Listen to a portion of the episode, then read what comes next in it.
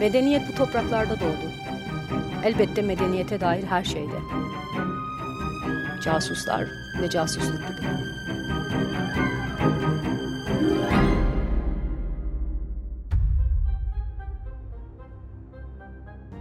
Orta Doğu'nun kaderini değiştiren casuslar ve casusluk faaliyetleri serisinin 6. bölümündeyiz. Kızıl Prens, mecburen ajan olanlar ve kime çalıştığı belli olmayanlar. Kızıl Prens'ten başlayalım.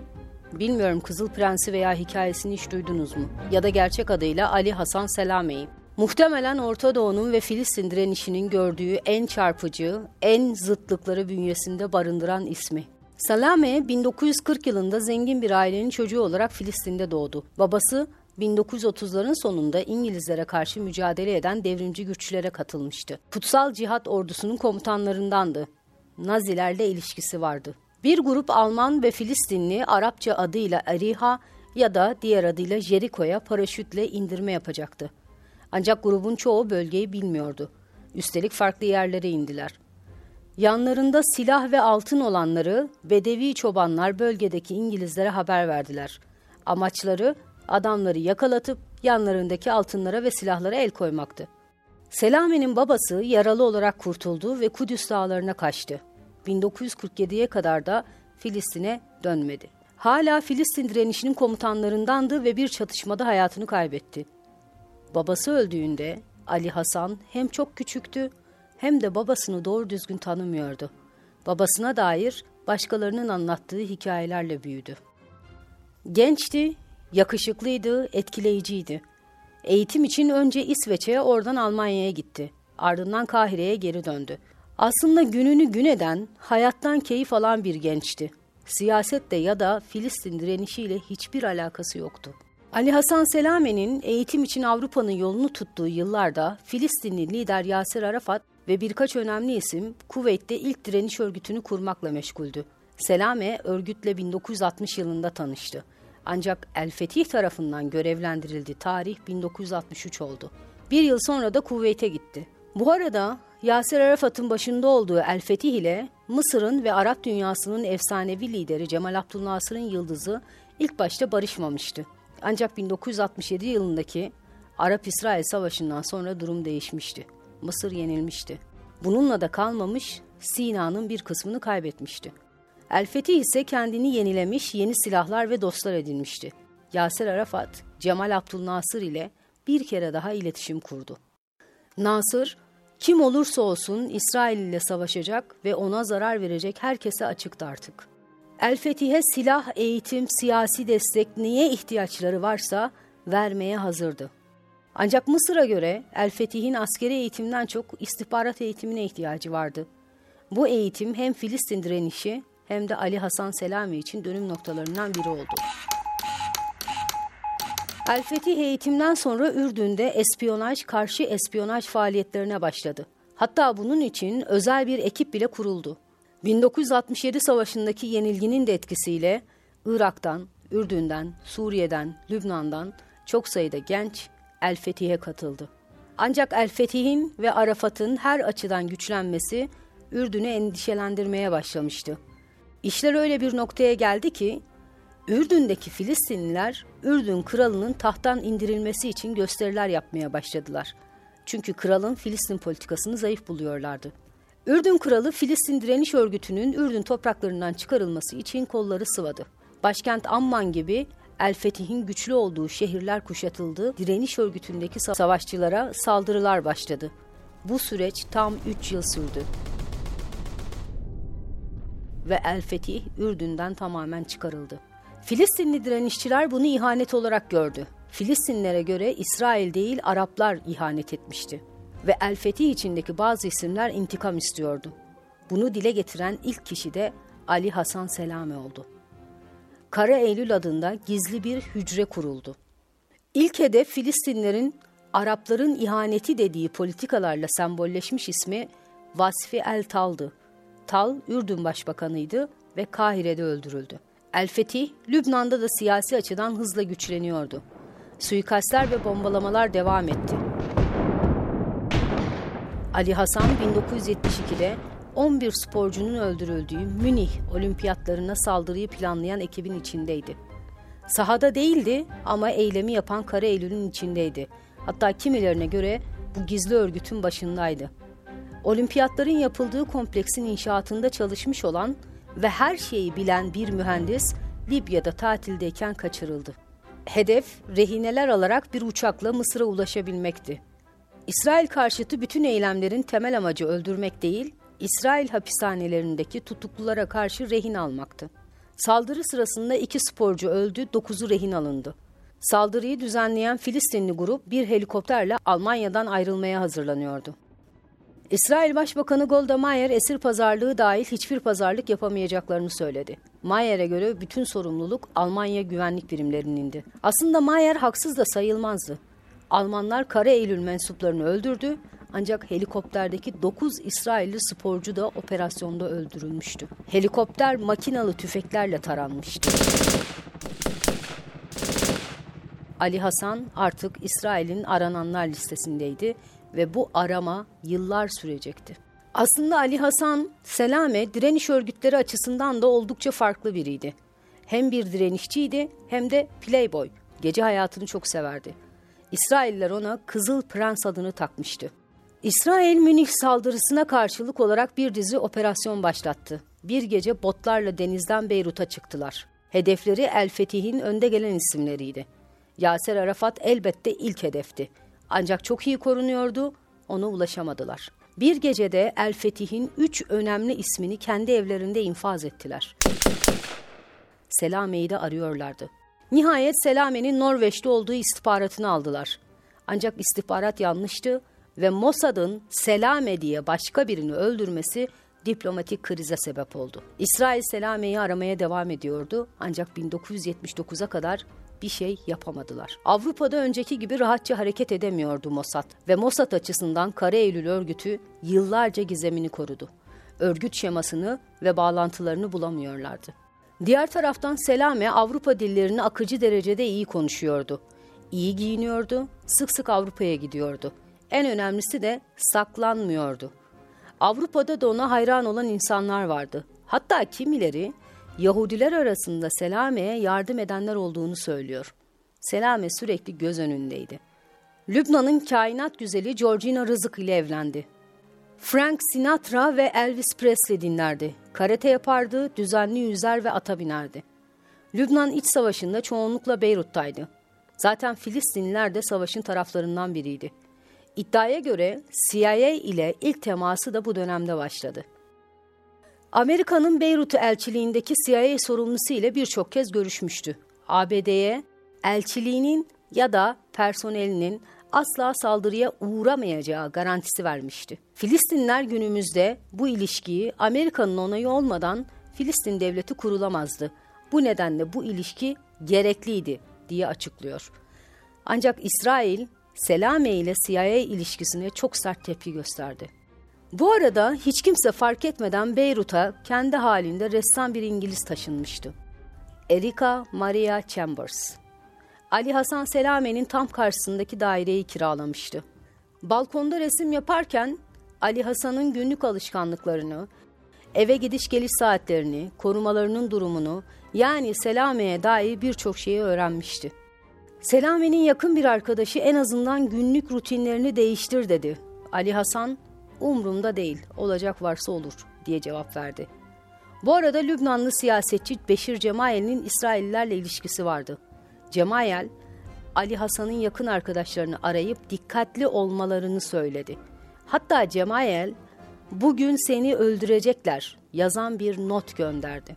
Selame'nin korumaları notu vermek için uyanmasını beklediler. İsrail yaklaşık 100 kilo patlayıcı ile konvoyun tamamını havaya uçurmayı planlamıştı. Selame korumalarının da olduğu konvoydaki arabaya bindi. Cemayel'in seni bugün öldürecekler notunu okumak için öne doğru eğilmişti. Ve tam da o sırada çok şiddetli bir patlama oldu.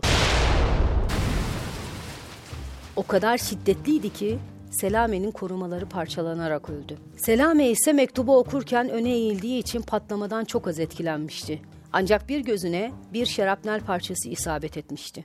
Aslında tek yarası buydu ancak ölümcüldü. Amerika'nın Beyrut elçiliğindeki CIA görevlisi Robert Ames de 4 yıl sonra elçiliğe yönelik bombalı saldırıda hayatını kaybetti.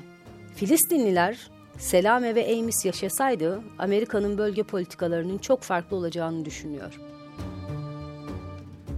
Elbette herkes kendi isteğiyle ajan olmaz, ajanlık yapmaz. Bir de buna mecbur olanlar var.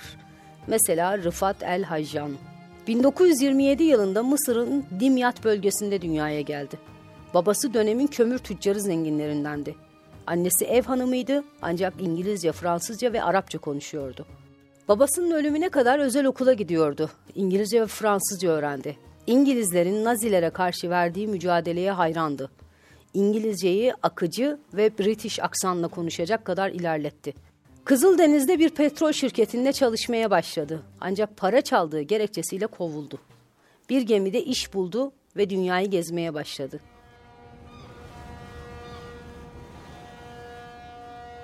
İngiltere, Liverpool'a kadar gitti. Bir süre bir turizm firmasında çalıştı. Oradan Amerika'ya kaçak yollarla göç etti. Ancak Kanada'ya gönderildi. Oradan Almanya'ya geçti. Almanya'daki Mısır elçiliğinden pasaport istedi. Ancak elçilik Hacyan'ın pasaportunu sattığını düşündüğü için Hacyan'a yeni bir pasaport vermeyi reddetti. Oradan da Mısır'a geri gönderildi. Kara borsada Ali Mustafa adına düzenlenmiş evraklar edinerek Süveyş kanalında çalışmaya başladı. Mısır'da 1952'de krala yönelik darbe yapıldı. Hajyan sahte evraklarla dolaştığı için yakalanacağından korkuyordu. Önce işinden ayrıldı, ardından sürekli isim değiştirdi. Nihayet Mısır'daki İngiliz polislerinden biri tarafından yakalandı. Önce İsrail ajanı olduğunu düşündüler ve Mısır istihbaratına teslim ettiler. İngiliz aksanıyla hatasız İngilizce konuşuyordu ancak üstünde hem bir Yahudi ismine hem de İngiliz ismine düzenlenmiş evrak vardı. Arapçayı da çok iyi konuşuyordu ve üstünde Rıfat Cemal olarak imzaladığı çekler de bulundu. Nihayet pes etti ve bütün hikayesini anlattı. Gerçekten kimliğini ve pasaportunu satmıştı. Soruşturmadan sorumlu Hasan Hüsnü adlı istihbaratçı Haccan'a iki seçenek sundu. Ya istihbarat için çalışırsın ya da hapse girersin. Elbette Haccan istihbaratı seçti. Hajyan sahte kimliklerle yaşadığı dönemde yakalanmamak için yeni hayat hikayeleri de yazıyordu. Bu defa hikayeyi Mısır istihbaratı yazdı. O artık Fransız baba ve İtalyan anneden 1919 yılında dünyaya gelen bir Eşkenazi Yahudisiydi. Yeni adı Jack Betton'du. Yahudilerin adetlerinden ve geleneklerinden bomba yapımına kadar birçok konuda eğitim aldı. Yahudilerin yoğun olduğu İskenderiye'ye gitti ve bir işe girerek çevre edinmeye başladı. Eli Cohen'in katıldığı ve başarısız olan operasyonda Hajjan da vardı. Ancak Jack Betton adıyla katılmıştı operasyona. 1967 savaşında İsrail saldırısının ne zaman başlayacağını Mısır'a haber vermişti. Moshe Dayan, David Ben Gurion gibi isimlerle yakın ilişkiler kurmuştu. Tam 17 yıl İsrail'de turizm ajansı olan bir iş adamı olarak yaşadı. İsrail tarafı Hacı'nın çift taraflı ajan olduğunu ve Mossad'da da çalıştığını söylüyor. Mısır tarafı bunun doğru olmadığını savunuyor. Mısır tarafına göre İsrail propaganda amacıyla yanlış bilgi yaymaya devam ediyor. Mesela Mısır'ın eski üst düzey istihbaratçılarından biri onun verdiği bilgiler sayesinde hava savunma sistemimizi geliştirdik diyor. Yani Hajjan teknoloji hırsızlığı da yapıyormuş. Hajjan İsrail'den döndükten sonra Almanya'ya yerleşti hayatını kaybettiği 1982 yılına kadar hem İsrail kimliğini sakladı hem de Mısır istihbaratına çalışmaya devam etti.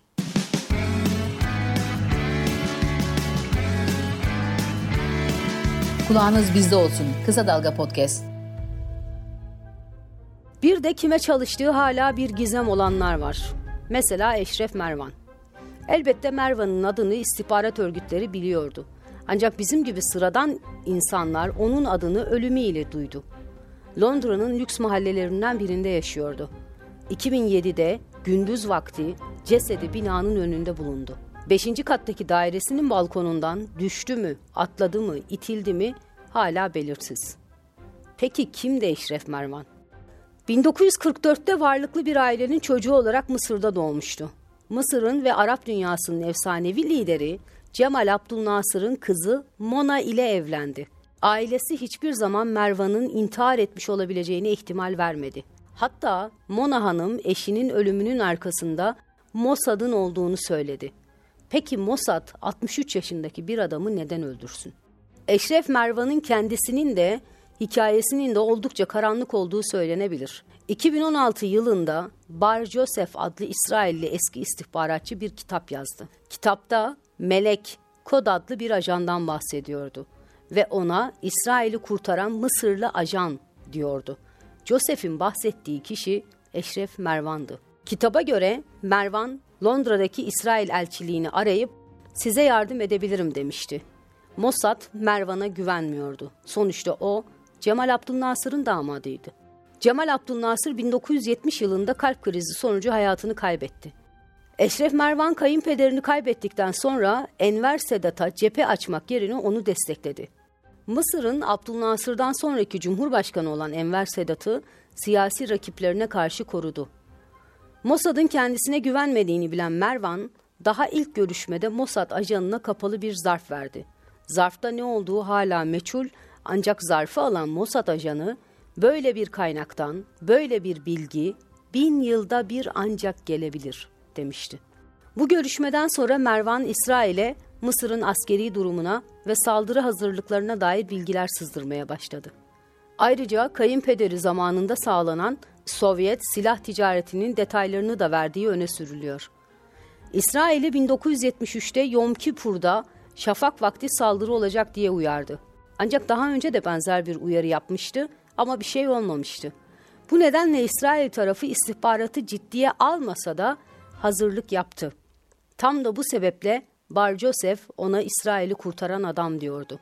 Mısır 1973'te İsrail'e yaptığı saldırı ile 1967 savaşında kaybettiği Sina'yı geri aldı. Mervan'ın on yıllardır Suudi Arabistan, Libya ve çeşitli Avrupa ülkeleri dahil savaşan taraflara silah sattığı biliniyor. Ancak onu tanıyanlara göre sözünü tutmamak gibi bir huyu da vardı. Mervan'ı öldürenin silah satışı için anlaştığı, parasını aldığı halde vaat ettiği silahları göndermediği bir grup olabileceği de söyleniyor. Mısır Cumhurbaşkanı Enver Sedat'ın bir suikastle öldürülmesinin ardından yerleştiği Londra'da karanlık iş ilişkilerini sürdürüyordu. Karşı karşıya geldiği isimlerden biri de Muhammed El Fayed'ti. Prenses Diana'nın sevgilisi Dodi El Fayed'in babası. Mervan ve El Fayed özel dedektifler tutmuş ve birbirlerini sürekli izletiyorlardı. Gerçi zamanında Cemal Abdülnasır da kızının baskısıyla evlenmelerine izin verdi ancak Mervan'a güvenmemiş ve onu sürekli izletmişti. Öldürüldüğü yıllarda sağlık sorunları yaşamaya başlayan Mervan iyice yalnızlaşmıştı, eski gücü de kalmamıştı. Yakınları hatıratlarını yazmaya başladığını söylüyor. Ayrıca muhtemelen birçok kişiyi ve örgütü rahatsız edecek bilgileri ses kayıtları olarak arşivlemeye başladığı belirtiliyor. Ne yazmaya başladığı hatıraları ne de ses kayıtları bulunabildi. Eşref Mervan tam anlamıyla bir süper ajandı. Mossad için de çalıştı, Mısır istihbaratı için de. Belki başka istihbarat örgütleri için de.